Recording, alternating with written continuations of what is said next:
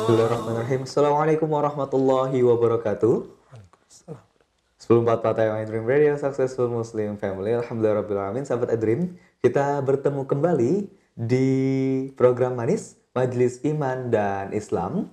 Tentunya Manis kali ini bersama saya Fauzan Zuhdi, dan kita akan membahas kitab Riyadus Solihin, dan juga seperti biasa, kitab Riyadus Solihin akan dibahas oleh Ustadz kita, guru kita Ustadz Abdullah Haidir yang juga telah hadir.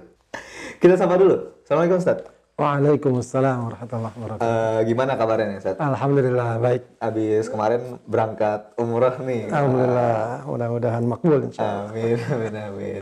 Kali ini kita akan membahas apa nih Ustadz temanya? Temanya babun fi wujubil inqiyad li hukmillah. Ya, wajibnya tunduk patuh kepada hukum Allah. Baik, langsung aja kita awali. Bismillahirrahmanirrahim dan tepat Ustaz. Assalamualaikum warahmatullahi wabarakatuh. Waalaikumsalam. Bismillah, walhamdulillah, wassalatu wassalamu ala rasulillah, amma ba'd. Sahabat Edrim yang dimuliakan Allah subhanahu wa ta'ala, Alhamdulillah kita bertemu kembali dalam program Manis kali ini untuk melanjutkan kajian kita dari kitab Riyadhus Shalihin. Kita sampai pada bab fi wujubil inqiyadi li hukmillah wa ma yaquluhu man du'iya ila dhalik. Ya. Bab tentang wajibnya tunduk patuh terhadap hukum Allah dan apa yang selayaknya diucapkan oleh orang apabila dia diajak untuk hal itu. Artinya maksudnya diperintahkan atau diajak untuk patuh dan tunduk kepada ajaran Allah Subhanahu wa taala. Ya, bab ini tentu bab yang sangat mendasar dan sangat prinsip dan berkaitan langsung bahkan menjadi substansi dari ajaran Islam itu sendiri. Ya, para ulama mengatakan bahwa di antara makna Islam adalah al-istislam, yaitu tunduk menyerah. Menyerah di sini dalam arti ya terserah Allah mau disuruh apa saya patuh. Hmm. Terserah Allah mau diperintahkan apa saya akan laksana, laksana. akan laksanakan.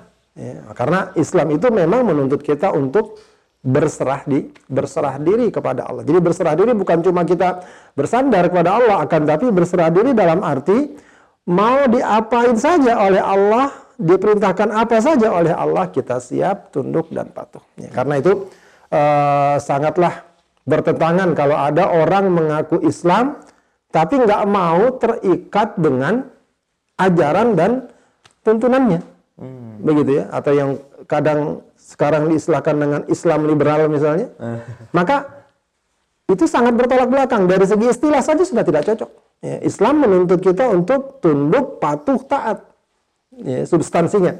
Sementara liberal adalah keinginan bebas terlepas dari segala ikatan ya, yang mengekangnya. Ya, itu jelas sangat bertolak bertolak belakang.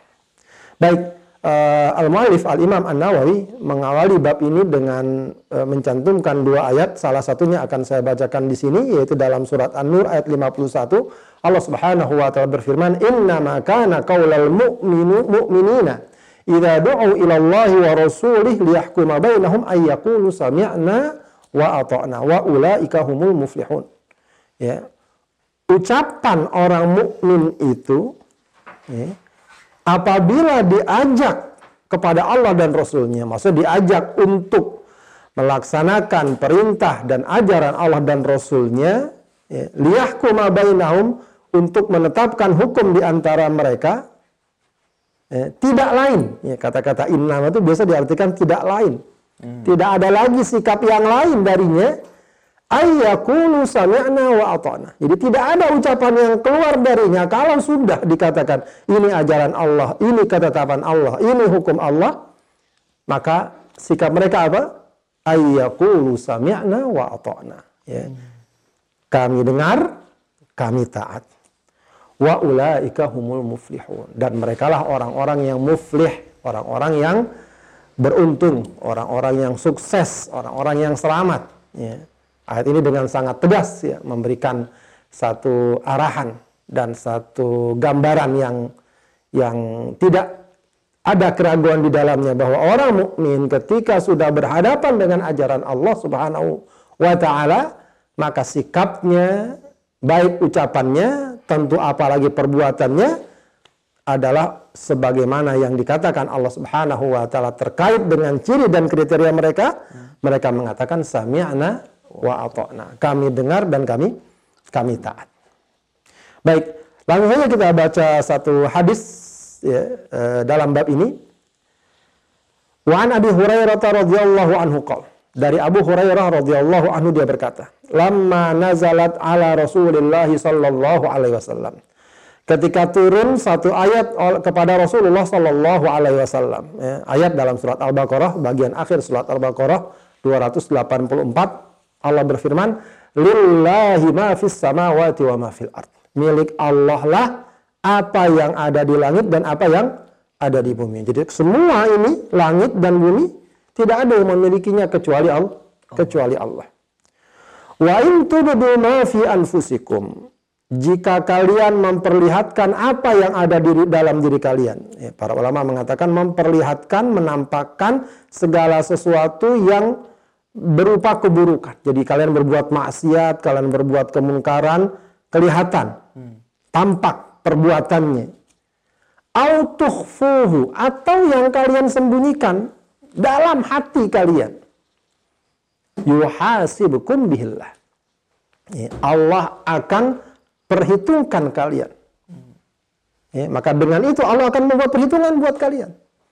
Ya, dicatat, ya, disimpan, dan tentu saja nanti akan Allah balas sesuai dengan amal perbuatan perbuatannya.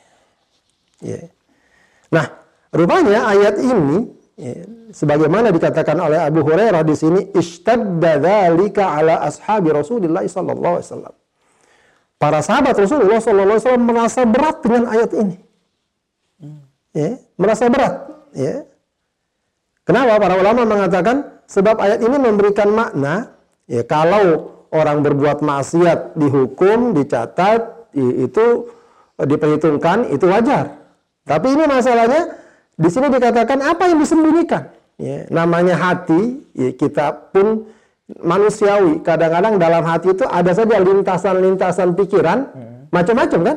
Yeah. Ke sana kemari tidak bisa dikendali, hmm. dikendalikan. Nah, kalau yang perkara ini pun akan Allah perhitungkan, wah ini bisa bagi para sahabat ini ancaman.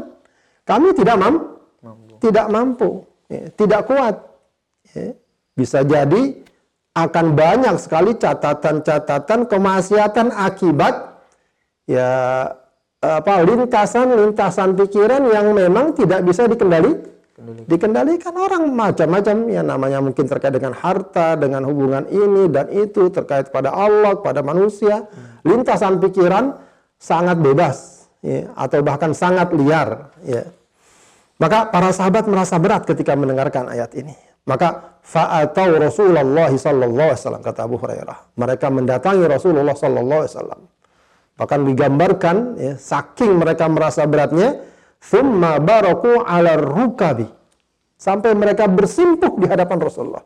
Bertekuk lutut di hadapan Rasulullah sallallahu alaihi wasallam. Ya, sebuah gambaran apa namanya uh, yang menunjukkan mereka teramat berat melihat atau mendengar atau menerima ayat ini. Maka mereka mengatakan faqalu ay Rasulullah, wahai Rasulullah. Kulifna minal amal lima nutik. Ya, kami dahulu sudah mendapatkan beban tugas amal yang kami mampu. Ya, kami mampu. As-salata wal jihada was siyama was sadaqah. Ya. Kami sudah mendapatkan perintah sholat, jihad, puasa, sodako. Itu perkara-perkara yang kami mampu dan sudah kami lakukan. Ya. Waqad unzilat alaika hadhil ayah wala nutikuha. Tapi ayat ini turun kepadamu wala nutikuha. Kami tidak kuat, tidak mampu untuk mengembannya. Qala Rasulullah sallallahu alaihi wasallam. Rasulullah wasallam bersabda. Apa Rasulullah jawabannya? Ketika para sahabat tadi mengatakan kami tidak mampu, kami tidak kuat menerima ayat ini yang ya, di dalamnya seakan memberikan makna semua lintasan pikiran dan hati yang ada dalam diri seseorang hmm. itu akan diperhitungkan oleh Allah Subhanahu wa taala. Kata Rasulullah apa? Aturiduna antaku kama qala ahlul kitabaini min qablikum. Ya. Apakah kalian akan ya, mengatakan sesuatu sebagaimana yang dikatakan oleh ahlul kitabain? Ya. Pemilik dua kitab, maksudnya siapa? Yahudi dan Nasrani. Yahudi mendapatkan kitab Taurat, Nasrani mendapatkan kitab Injil min qablikum. Sebelum kalian. Apa mereka itu? Ucapannya ketika mendengarkan perintah Allah, mendapatkan perintah Allah, sami'na wa asaina. Kami dengar tapi kami tidak taati. Tidak taati. Kami tentang, kami lawan, kami membangkang. Ya. Itu yang terjadi pada umat sebelumnya. Mereka mendengar perintah dan ketetapan Allah, tapi uh, mereka membangkang. Ya. Balkulu. Ya. Akan tapi kata Rasulullah kepada para sahabat, kulu ucapkan saja. Katakan saja sami'na wa ata'na. Kami dengar dan kami taat. Ini seperti ayat yang tadi kita baca. Karena orang mukmin kalau sudah mendengar perintah Allah, tidak ada yang mereka ucapkan kecuali mereka mengatakan sami'na wa ata'na ghufranak ampunanmu ya Allah. Kami mohon ampunanmu ya Allah. Rabbana wa ilaikal masir. Ya, Eh, wa ilaikal masir dan kepadamulah kami kembali.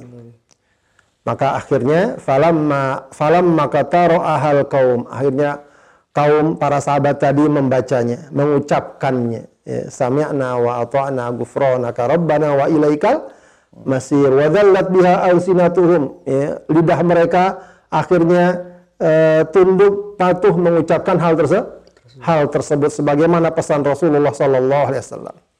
Maka karena sikap mereka yang tunduk patuh kepada ketetapan Allah Subhanahu wa taala maka anzalallahu taala fi ithriha. Setelah itu ya Allah Subhanahu wa taala menurunkan ayatnya eh, yaitu ayat sesudahnya surat Al-Baqarah juga 285 yang mungkin sering kita baca. Amanar rasulu bima unzila ilaihi min rabbi wal mu'minun kullun amana billahi wa malaikatihi wa kutubihi wa rusulihi. La nufarriqu baina ahadin min rusulihi. Wa qalu sami'na wa ata'na ghufranaka rabbana wa ilaikal masir. Para ulama mengatakan ayat ini merupakan pujian kepada Rasulullah dan para sahabat, para sahabat yang menyatakan ketundukannya secara total kepada ketentuan dan hukum Allah Subhanahu wa taala. Ya, telah beriman Rasulnya dan eh, kepada apa yang diturunkan kepadanya dari Tuhannya dan juga orang-orang mukmin ya semuanya kullun amana billah beriman kepada Allah wa malaikati dan malaikatnya wa kutubi dan kitabnya wa rusuli dan rasul-rasulnya. La nufarriqu baina ahadin min rusuli. Kami tidak membeda-bedakan antara satu seseorang dengan di antara rasul-rasul yang ada. Wa qalu sami'na dan mereka mengatakan kami dengar wa ata'na dan kami taat gufranaka. Ya ampunanmu ya Allah rabbana wa ilaikal masir dan kepadamulah kami kembali. Jadi itu Allah puji. Jadi ketika para sahabat tadi mengatakan sami'na wa ata'na gufranaka rabbana wa ilaikal masir, Allah turunkan pujiannya dengan mengatakan atau dengan berfirman amanar rasulu bima unzila ilaihi min rabbi wal mu'minun kullun amana billahi wa malaikatihi wa kutubihi wa rusulihi la nufarriqu baina ahadin min rusuli wa qalu sami'na wa ata'na ghufranaka rabbana wa ilaikal masir. Falamma fa'alu dzalik ya, ketika mereka melakukan hal tersebut ya para sahabat yang tadinya berat menerima hal tersebut namun mereka uh, sebagaimana pesan Rasulullah ucapkan saja sami'na wa ata'na. Maka ketika mereka melakukan hal tersebut nasakhallahu taala Allah Subhanahu wa taala hapus ya, ketentuan yang tadi itu. Hmm. Ketentuan bahwa apa yang terlintas dalam pikiran kita wa ma tukhfuhu wa ma tukhfuhu ya, apa namanya?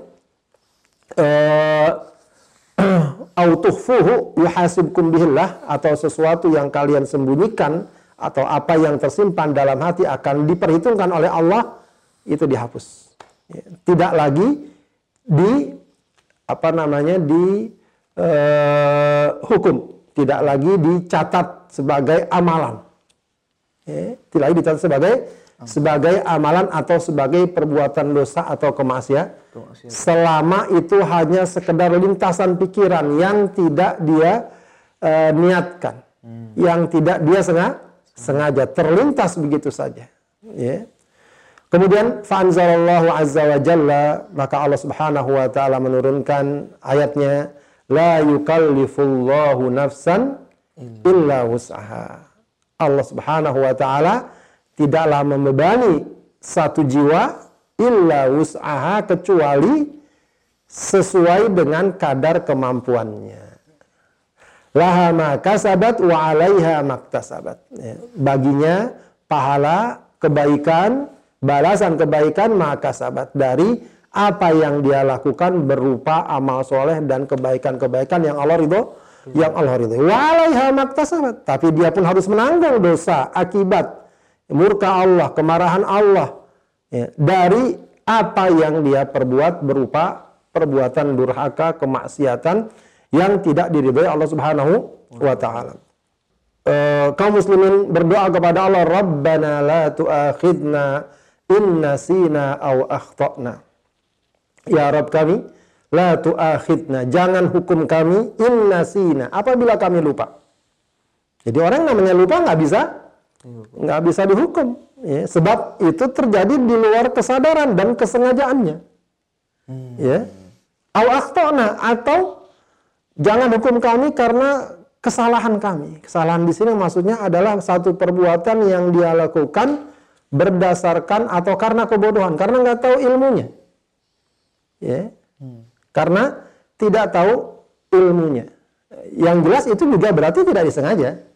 Ya, ada satu hadis yang mungkin terkait dengan bab ini, hadis riwayat Ibnu Majah. Rasulullah mengatakan, Inna Allah tajawazali an ummati al khata wan nisyan wa mastukrihu alaih.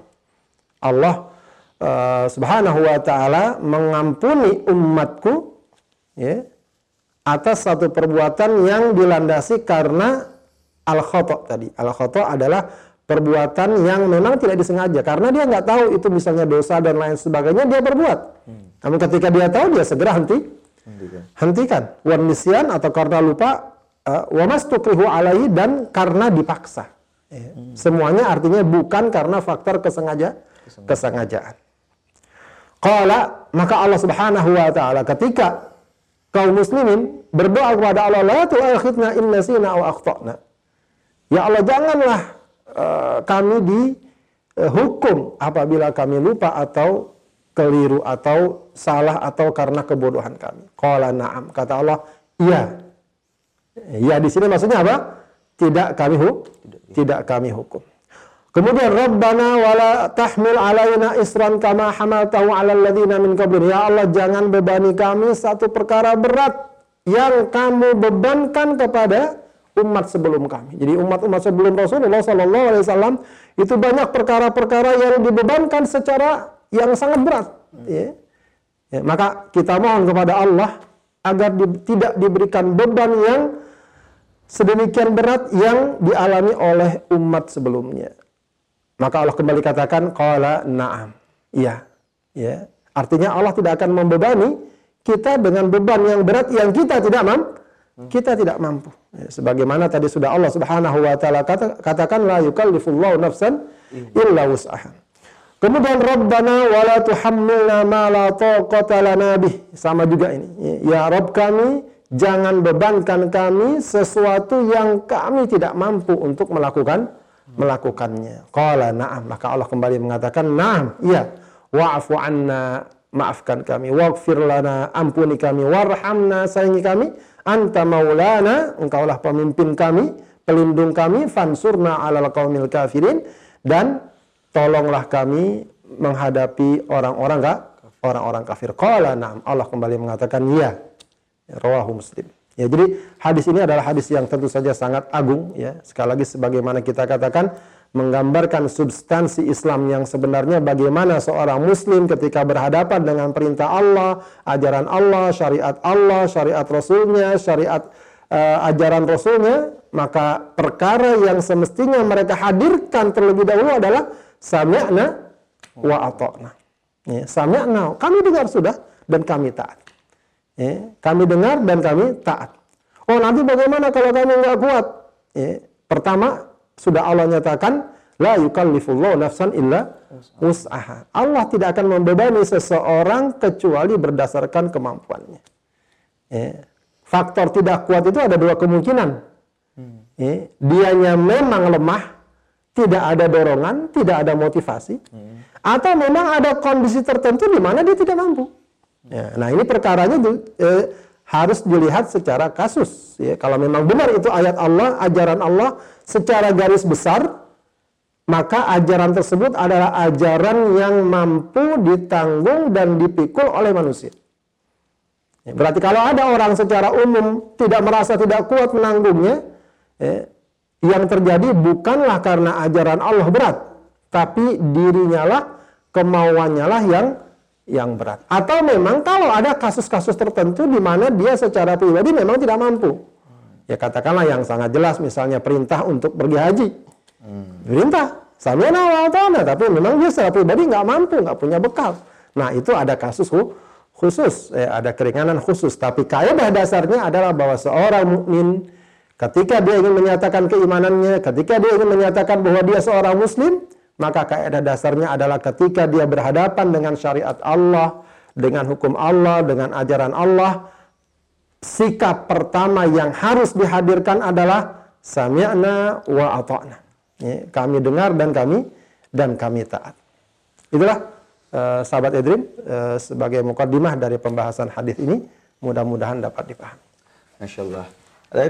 Itu tadi sahabat Edrim Ustaz Abdullah Edrim telah menjelaskan hadis pertama ya Ustaz ya, ya. dalam tema kali ini dan hadis tadi membahas terkait ketika turunnya surat Al-Baqarah ayat 284, 285 hingga 286 yang menunjukkan bahwa wajibnya patuh dan tunduk kita kepada perintah Allah Subhanahu wa taala.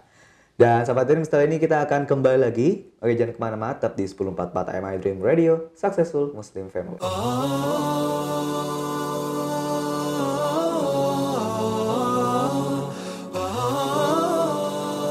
Alhamdulillah sahabat Dream Masih bersama kami di Manis Majlis Iman dan Islam Membahas kitab Riyadus Solihin bersama Ustadz Abdullah Haidir dan sekarang kita telah masuk ke pembahasan selanjutnya setelah, ya. setelah tadi Mukodimah uh, terkait sebuah hadis yang menunjukkan uh, wajibnya kita patuh dan tunduk kepada Allah Subhanahu wa taala dan akan dikupas lebih dalam lagi bersama Ustaz Abdullah Haidir pada segmen kali ini. Tafadhol Ustaz. Baik, sahabat Edrim yang uh, dirahmati Allah Subhanahu wa taala. Hadis ini uh, jika kita uh, teliti lebih dalam lagi uh, menunjukkan salah satu karakteristik para sahabat radhiyallahu anhum ajma'in ya. Walau sepintas kelihatannya hadis ini seakan-akan para sahabat tidak menerima atau menolak uh, apa yang Allah Subhanahu wa taala turunkan, namun tentu hakikatnya bukanlah demikian ya. Justru kebalikannya. Hakikatnya adalah betapa mereka betul-betul ingin menunjukkan ketundukan dan kepatuhannya kepada Allah. Namun ketika mereka mengira dan merasa ya, bahwa kalau hal seperti ini kami tidak mampu, jangan-jangan nanti kami jadi ahli maksiat, jangan-jangan nanti kami justru berbuat kemungkaran karena hati ya, atau lintasan-lintasan dalam hati itu sesuatu yang tidak dapat terkendali terkendali maka datanglah mereka kepada Rasulullah Sallallahu Alaihi Wasallam mengadukan masalah masalahnya. Nah, kalau kita bisa menangkap perkara seperti ini maka Tentu saja yang akan dapat disimpulkan dari itu adalah bagaimana para sahabat radhiyallahu anhum ajma'in begitu rupa ya ingin mewujudkan ketaatan dan ketundukannya kepada Allah Subhanahu wa taala. Dan tentu saja mereka tidak menginginkan satu perkara yang mereka tidak mampu untuk mewujudkan untuk mewujudkannya. Ya. Faktanya benar. Ya.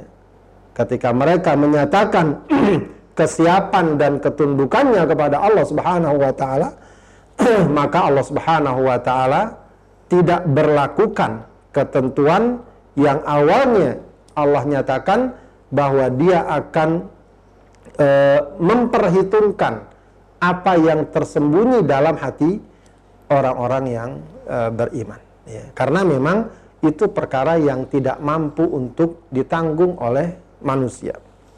Itu perkara. Itu yang pertama. Yang kedua, para pendengar atau sahabat Edrim yang dimuliakan Allah Subhanahu wa taala, hadis ini memberikan satu pelajaran bagi kita bahwa ya, terkait dengan apa yang Allah perintahkan dan termasuk di dalamnya apa yang Rasulullah Sallallahu Alaihi Wasallam syariatkan, maka hendaknya keimanan kita kepada Allah dan Rasulnya haruslah mendahului ya, berbagai macam perkiraan atau dugaan atau pikiran-pikiran yang lainnya.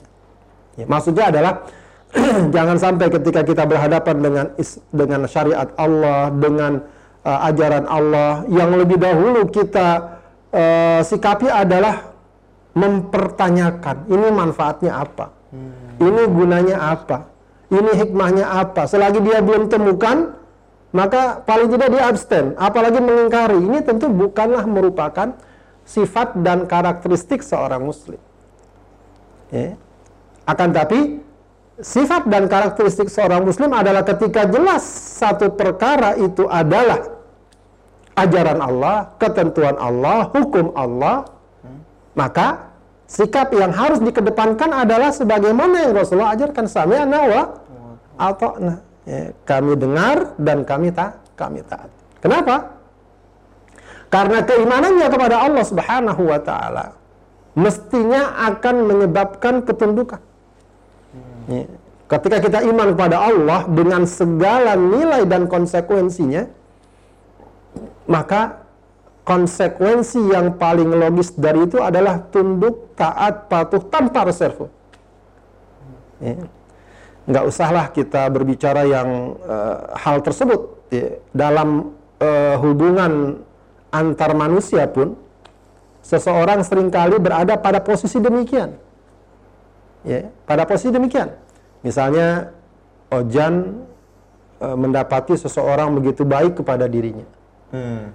Dibantunya, diberikan berbagai fasilitas dari kecil, remaja, dewasa, dikasih biaya, sakit diobati, dan lain sebagainya. Lalu diberikan fasilitas, pekerjaan, dan seterusnya. Dikasih rumah, dikasih mobil. Kira-kira kalau dia minta sesuatu, kita berpikir nggak selain taat dan melaksanakan perintahnya?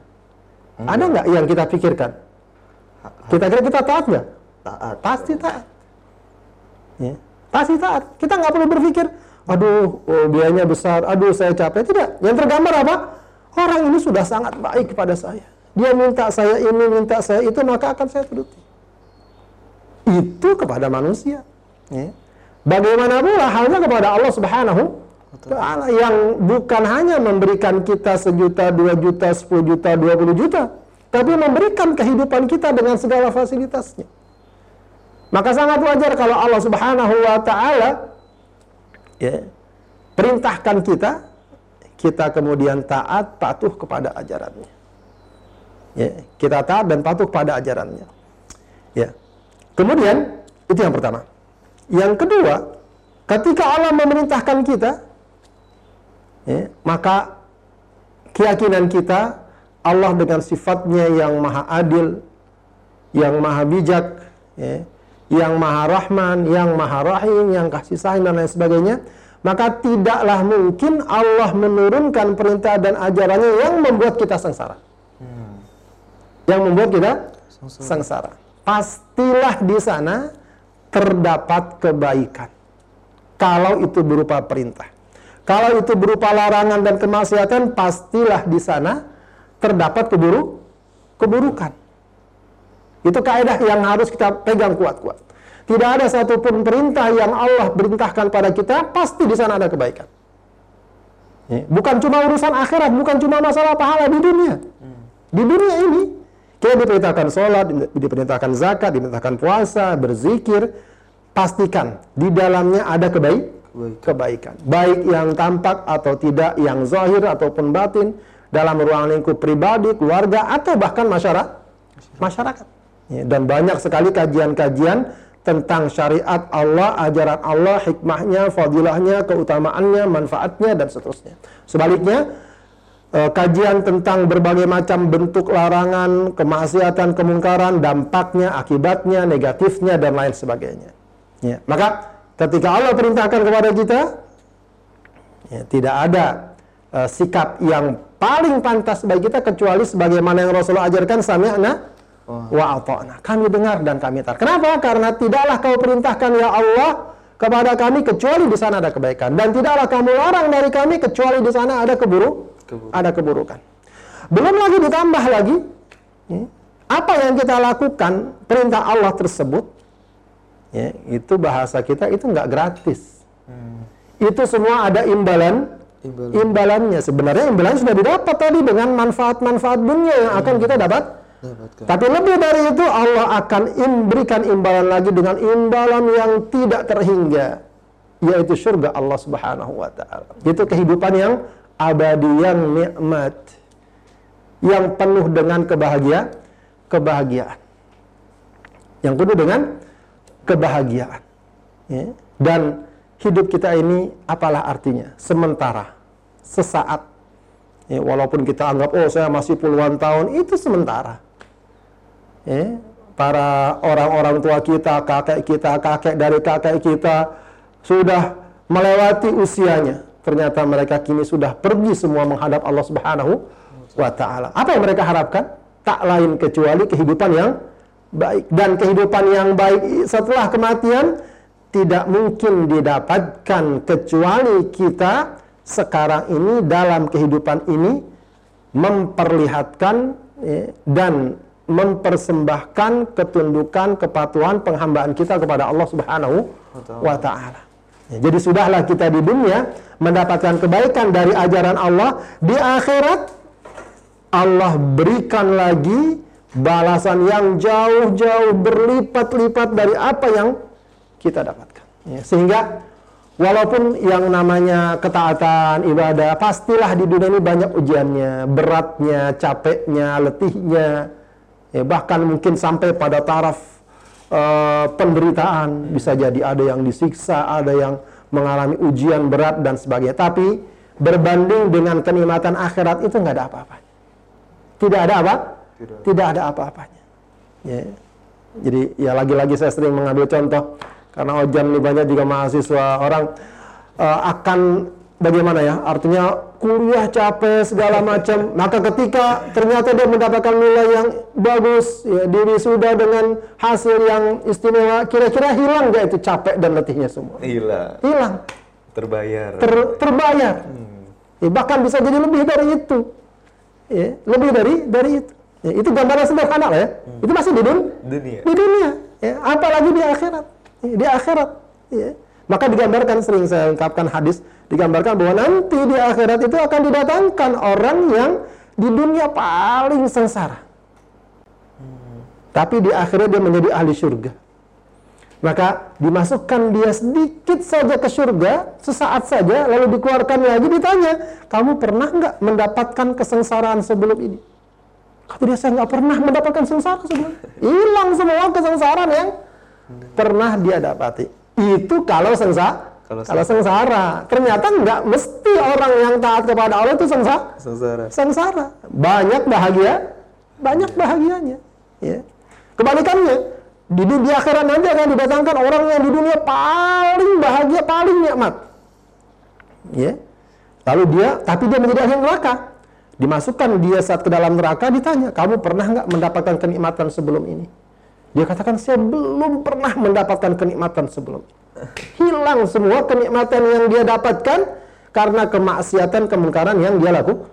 Yang dia lakukan. Jadi sekali lagi tidak ada alasan bagi orang yang beriman kepada Allah bahkan semestinya bagi semua manusia kecuali tunduk patuh kepada Allah Subhanahu wa ta'ala. Maka yang harus dikedepankan adalah sami'na wa ata'na. Kita yakin Allah subhanahu wa ta'ala tidak akan menzalimi kita. Tidak akan memberatkan kita. Tidak akan memberikan kita syariat yang kita tidak mampu untuk menanggung menanggungnya. Kalaupun ada kasus tertentu di mana kita tidak mampu, Allah Maha Penyayang. Allah Subhanahu wa taala akan berikan kita dispensasi, akan berikan kita keringat, keringanan. Orang lain mampu, kita tidak mampu, Allah akan berikan keringanan. Asalkan apa? Hadir dalam dirinya keinginan kuat untuk taat kepada Allah. Pada Allah ya Allah saya pengen banget puasa Ramadan tapi saya sakit. Ya sudah. Allah nggak akan paksakan orang kalau lagi sakit dia berpuasa. Berpuasa. Ya Allah saya pengen banget pergi haji tapi saya nggak punya uang. ya, maka tidak diwajib, Tidak wajib. tidak diwajibkan. Ya, tapi sebagai sebuah prinsip, ketika mendapatkan apa namanya perintah Allah, dia menyatakan sami'na wa ata'na. Lain halnya kalau orang mengatakan "Eh, ah buat apa haji segala macam, buang-buang duit itu. Misalnya, meskipun dia nggak punya duit tapi dia punya sikap seperti itu, itu sikap yang tidak benar. Ya, sikap tidak tidak, benar. Ya, Yang benar adalah kami taat, cuma memang kami nggak punya ongkos. Ya sudah berarti kami belum bisa melakukan. Tapi dia dari segi semangat mentalitas sudah menyatakan kesiapannya dan ket- ketaatannya dan kesiapannya melaksanakan ajaran ajaran Allah Subhanahu wa taala. Jadi eh, para sahabat Adrin yang dimuliakan Allah Subhanahu wa taala sekali lagi uh, uh, hadis ini uh, sebagaimana saya katakan uh, inilah salah satu substansi Islam yang sangat penting yang tidak boleh tidak mungkin seorang muslim lepas darinya bahwa seorang muslim kalau dia ingin disebut sebagai muslim bukan cuma sekedar klaim, bukan cuma sekedar pengakuan, bukan cuma sekedar nama, status di KTP, ya.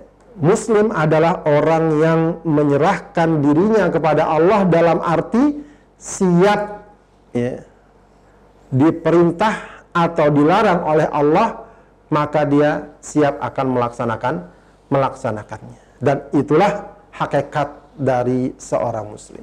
Wallahu a'lam. Itu tadi telah dijelaskan ya lebih dalam lagi terkait pembahasan hadis Eh, hadis tadi ya, Eh, di mana tadi ada poin-poinnya di sini saya catat di mana dari hadis tersebut hakikatnya menunjukkan ketaatan para sahabat kepada Allah Subhanahu wa taala dan juga hendaknya bagi kita keimanan kita melalui mendahului hal-hal lain ya Ustaz ya. Eh, lalu juga harus kita yakini bahwa tidak mungkin Allah turunkan perintah dan larangan tanpa manfaat dan juga balasan Allah di dunia maupun di akhirat sangat besar ya Ustaz ya. Dan itu ditekankan lagi tadi sama Ustaz Abdullah Hidir bahwa salah satu substansi Islam yang penting hadis ini merangkup eh, substansi Islam. Dan itu sahabat Dream segmen pembahasan kita pada segmen kali ini dan setelah ini kita akan kembali lagi tentunya masih dalam pembahasan hadis terkait wajibnya patuh dan tunduk kepada Allah Subhanahu wa taala. Tetap di 1044 Time Dream Radio, Successful Muslim Family.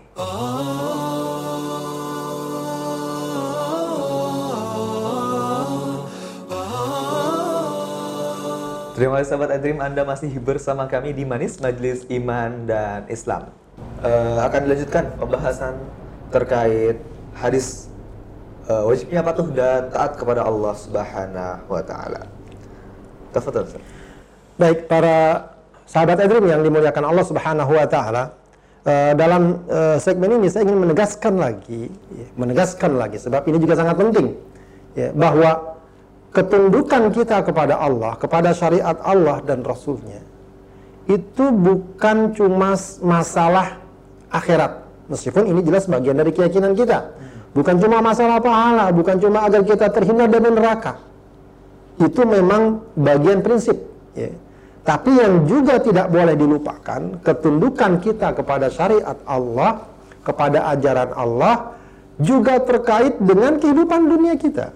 Jadi ketika kita taat dan patuh kepada Allah, tentu saja kita berharap pahala.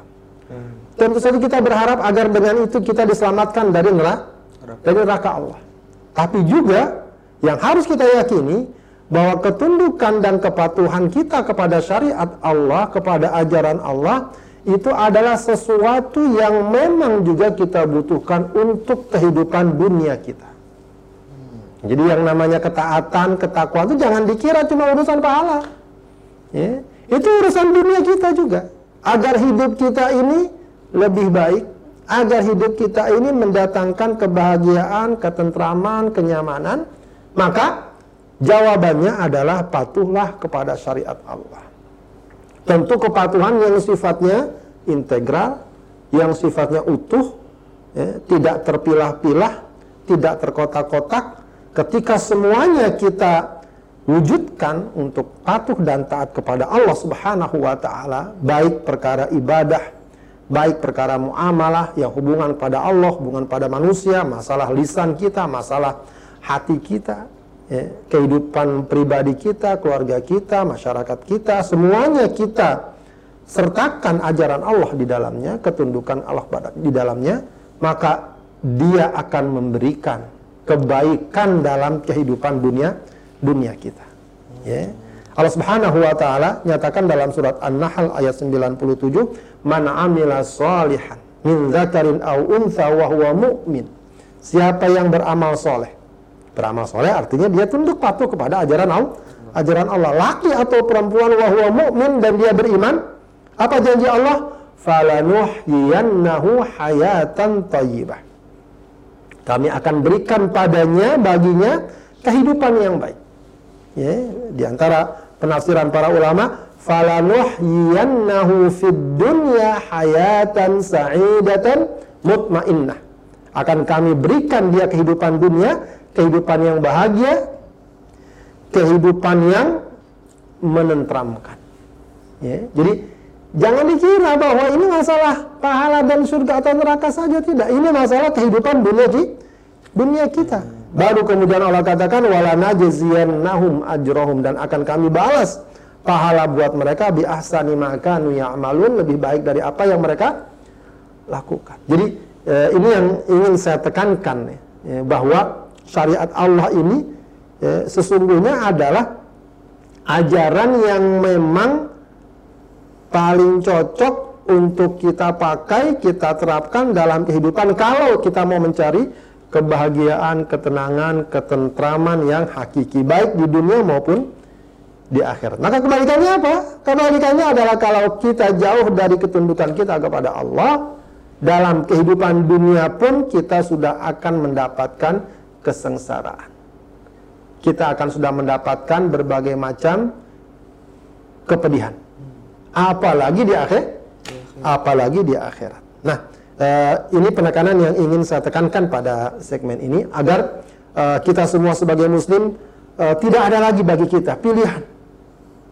Tidak lagi bagi kita alternatif kecuali kita mengikuti ya, ajaran Allah. Sebab memang pada hakikatnya Allah yang menciptakan kita, menciptakan alam ini, bumi ini, tentu Allah lah pasti yang paling tahu apa yang seharusnya kita lakukan sebagai manusia. Maka Allah turunkan ajarannya, Allah turunkan nabinya, Allah turunkan kitabnya ya, agar kita kita pakai.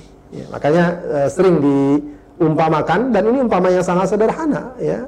Pabrik mobil kendaraan merek tertentu maka panduan yang paling dapat dipercaya untuk menggunakan kendaraan tersebut siapa? Pabrik yang mengeluarkannya ya, bukan pabrik lah, bukan pabrik lain. Nah, apalagi Allah tidak ada yang menciptakan alam ini selain Allah. Allah maka jangan sekali-kali kita merujuk dan e, mencari referensi kehidupan yang lain e, sebelum kita mencari referensi kehidupan kita ini kepada Allah Subhanahu wa taala dan itulah yang satu-satunya harus kita pegang dalam kehidupan kita. Wallahu a'lam. Masya Allah tadi telah dikupas lebih dalam lagi ya terkait hadis ini dan juga sekarang kita telah masuk kepada sesi pertanyaan ya. Udah ada beberapa pertanyaan yang masuk. Ini langsung aja. Yang pertama, Ustaz, uh, tidak sedikit nih Ustaz ya. Uh, orang-orang akibat ingin taat kepada Allah, tapi malah meninggalkan hal-hal penting sosial bertetangga ataupun juga bekerja ataupun bahkan sampai tidak taat kepada orang tua. Nah, ini hal seperti ini gimana Ustaz untuk menyikapinya? Ya, uh, sedikit tadi sudah saya singgung bahwa ketika ingin berbicara taat kepada Allah maka harusnya integral, hmm. menyeluruh, komprehensif, ya tidak sebagian-sebagian ketaatan kepada Allah bukan cuma masalah sholat, zikir, puasa, haji, bukan cuma itu. Ketaatan kepada Allah juga terkait dengan bagaimana kita berhubungan sosial dengan baik. Sebab apa? Itu perintah Allah. Ya, Allah Subhanahu wa taala dalam Al-Qur'an bukan hanya mengajarkan memberikan kita untuk beribadah kepadanya, tapi berbuat baik kepada tetangga, kepada teman, bahkan kepada orang non muslim sekalipun. Itu perintah Allah. Ya, jadi jangan memahami ketaatan setengah-setengah. Ketaatan cuma zikir saja, sholat saja tidak. Hmm. Ya, bakti sama orang tua itu bagian dari ketaatan kita kepada Allah. Pada Allah sekali anda durhaka sama orang tua, walaupun anda sholat, walaupun anda puasa, maka itu tetap sebuah kemaksiatan bahkan dosa besar yang tidak lantas diampuni gara-gara anda rajin sholat. Paham ya? ya. Ketika anda menyakiti tetangga anda, apalagi menzoliminya dengan kezoliman yang amat berat, itu adalah merupakan dosa besar yang tidak lantas diampuni karena anda rajin puasa dan rajin sholat. Paham? Jadi eh, ini harus utuh. Eh, jangan sampai akhirnya uh, ada semacam apa namanya image, wah dia itu karena rajin sholat akhirnya sama keluarganya terbengkalai. Itu tidak benar. Makanya yang kita inginkan ketaatan yang sifatnya uh, utuh, komprehensif. Ya, sebagaimana contoh yang paling tampak ada Rasulullah Shallallahu Alaihi Wasallam. Bagaimana beliau dengan tentu saja hubungannya pada Allah luar biasa, tapi juga bagaimana dengan keluarganya begitu peduli sampai digambarkan Rasulullah itu sampai mengurus urusan rumah tangga. Ya. Jadi ini gambaran yang sangat uh, indah sekali sebenarnya. Bagaimana beliau berbicara tentang perdagangan, nggak boleh ada penipuan, nggak boleh ada sikap yang apa namanya e, melakukan manipulasi dan lain sebagainya. Nah inilah ketaatan. Jadi ketaatan yang dimaksud adalah yang sifatnya utuh menyeluruh, bukan cuma satu bagi satu bagian. Akan didapati hmm, kalau ada penyimpangan e, dan e, memiliki ekses negatif, mesti di sana ada pengamalan yang tidak tepat atau yang tidak tidak utuh. Pada dasarnya syariat Allah itu adalah sebagaimana kita katakan memang bermanfaat untuk pedoman kehidupan kehidupan kita. Ya, wallahu alam. Lalu Seth, lantas uh, seperti apa nih cara menyikapi setelah terjadi hal tersebut ada kesan bahwa orang-orang yang taat kepada Allah ini keras ya Seth ya. Cenderung uh, intolerir lah kalau sekarang bahasanya yang lagi hmm. ramai ya Ustaz ya. Gimana Ustaz? Ya, ini tentu uh, tinggal pertama persepsi ya. Hmm. Persepsi. Uh, sebagian orang menganggap ketika orang taat itu dianggap keras. Hmm. Atau bahkan dianggap intoleran. Ya, mungkin sekarang yang ramai dibicarakan mengucapkan selamat Natal gitu yeah. kemarin belum lama ya. Hmm. Wah, itu keras intoleran. Nah, itu persepsi kan. Hmm. Persepsi wah dia intoleran padahal ketika seseorang melaksanakan itu, dia adalah melakukan ketaatan. Dan itu tidak ada kaitannya dengan masalah sikap keras, intoleran, dan semacamnya. Kenapa? Karena di sisi lain, seorang muslim diperintahkan untuk berbuat baik, tidak menyakiti. Tapi juga dalam bab akidah tidak boleh ada perbuatan-perbuatan yang e, dianggap e, dapat masuk kepada wilayah akidah dan keyakinan orang orang lain. Apalagi tentu saja permasalahan akidah kita sudah jelas sepakat ya bahwa akidah kita Islam adalah akidah yang paling benar yang tidak ada selain itu yang benar maka ketika kita masuk kepada wilayah akidah lain itu yang dilarang dilarang. Perkara ketika seperti itu misalnya orang mengalami intoleran atau juga keras, nah itu persepsi orang yang tidak bisa kita atur. Tapi kita harus punya prinsip dan si sikap. Misalnya uh, kita azan berkumandang segera ke masjid padahal mungkin di rumah lagi sibuk dan uh, orang menganggap sebagian orang menganggap itu keras hmm. wah itu kaku segala macam. Itu tidak kaku ya. Tapi lain halnya kalau atas nama ketaatan kita sama orang jadi bermuka masam ya, hmm. tidak mau menyapa. Nah itu benar. Kalau itu terjadi itu keliru. Ya atau sama non muslim kita jadi mudah menyakiti mudah menzalimi tidak. Itu jelas keliru.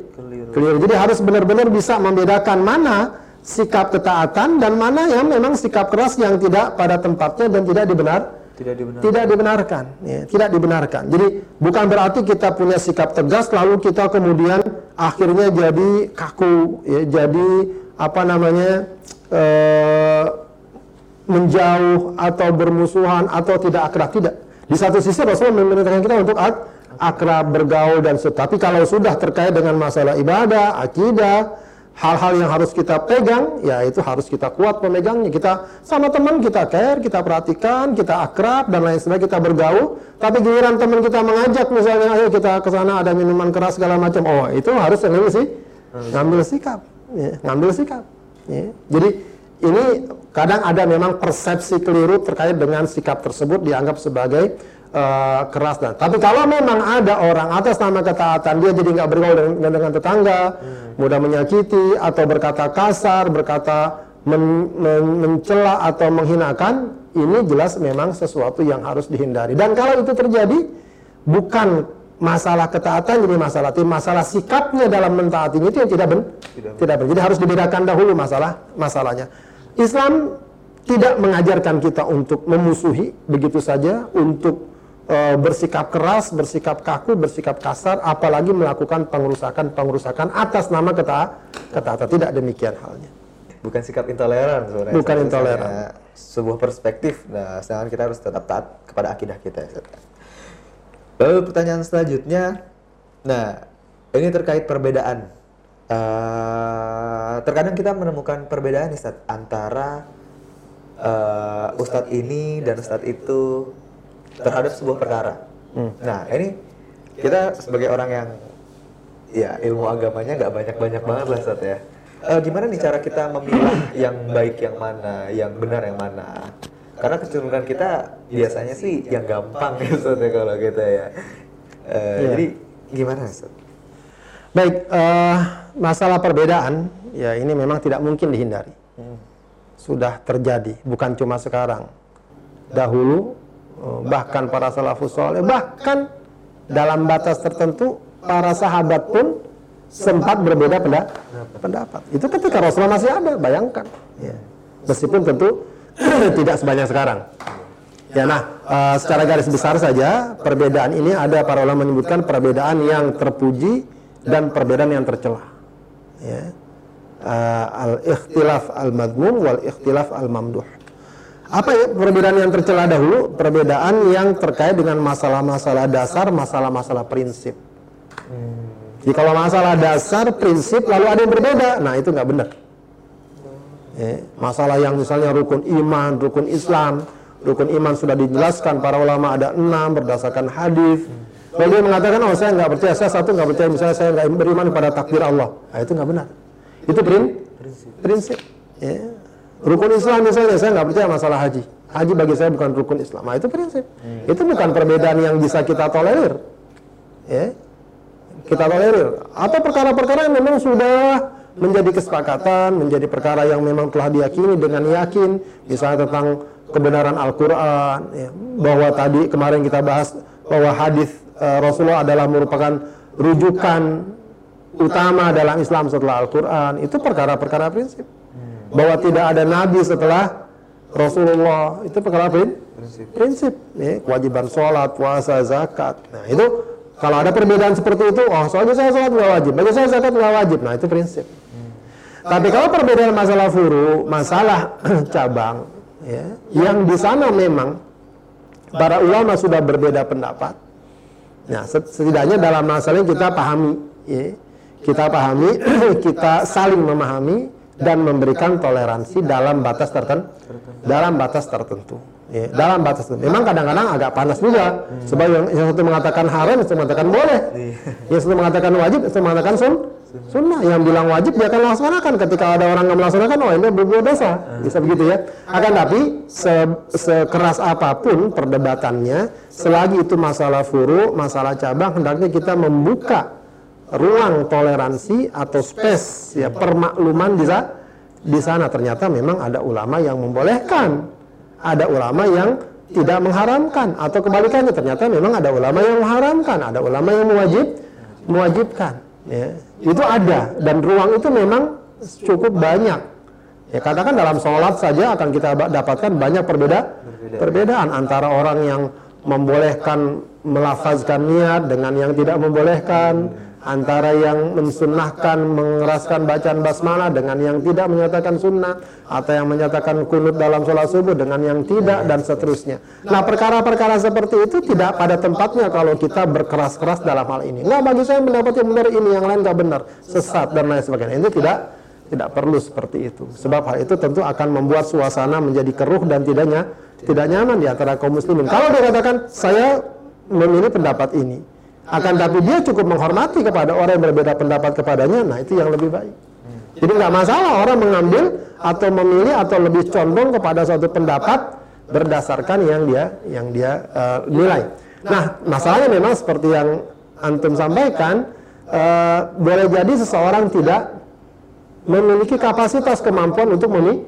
memilih. Nah, dalam hal ini eh, cukup dia merujuk kepada seseorang yang dia percaya, yang dia kenal ilmunya, agamanya, lalu dia berpatokan kepadanya. Allah katakan fasalu ahla dzikri in kuntum la ta'lamun. Bertanyalah kepada para ulama jika kalian tidak mengetahui mengetahuinya. Nah, dalam hal ini yang penting sebenarnya adalah seseorang berusaha untuk terus ya me, apa namanya berada dalam talabul ilmi dalam mengkaji ajaran ajaran Islam makanya hadir dalam majlis-majlis ilmu secara rutin ya itu mestinya adalah bagian yang uh, tidak terpisahkan dari seorang muslim. Ini kadang-kadang kita ngaji enggak.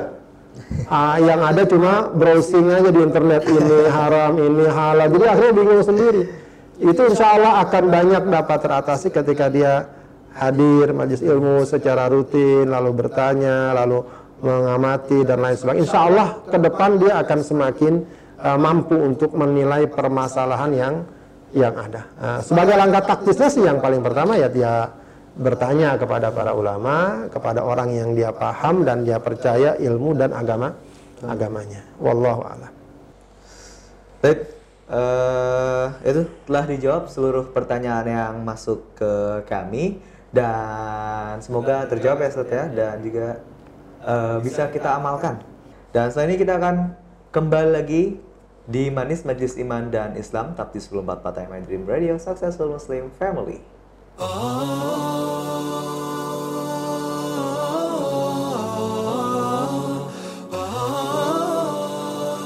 Sobat Dream, terima kasih Anda masih bersama kami di Manis Majlis Iman dan Islam. Dan kita sekarang telah masuk ke segmen terakhir. Ini terkait kajian kita hari ini wajibnya patuh dan tunduk kepada perintah Allah Subhanahu wa taala. Sebelum kita tutup, kita dengarkan uh, kesimpulan dari kajian kita pada pagi hari ini. Betul. Sahabat Edwin yang dimuliakan Allah Subhanahu wa taala, tema kita pada uh, program manis kali ini sesungguhnya adalah tema yang sudah sangat jelas, sangat lugas, ya bahkan sangat sederhana ya. Bahwa seorang muslim tidak ada jalan lain bagi dia kecuali tunduk patuh kepada Allah Subhanahu wa taala. Di luar itu Walaupun seseorang berargumen dengan argumen yang luar biasa, berteori dengan teori bermacam-macam, kalau ujungnya adalah meninggalkan, menghindar, menjauh dari syariat Allah, maka pastikan itu adalah pemahaman, keyakinan, dan metode serta ajaran yang batil.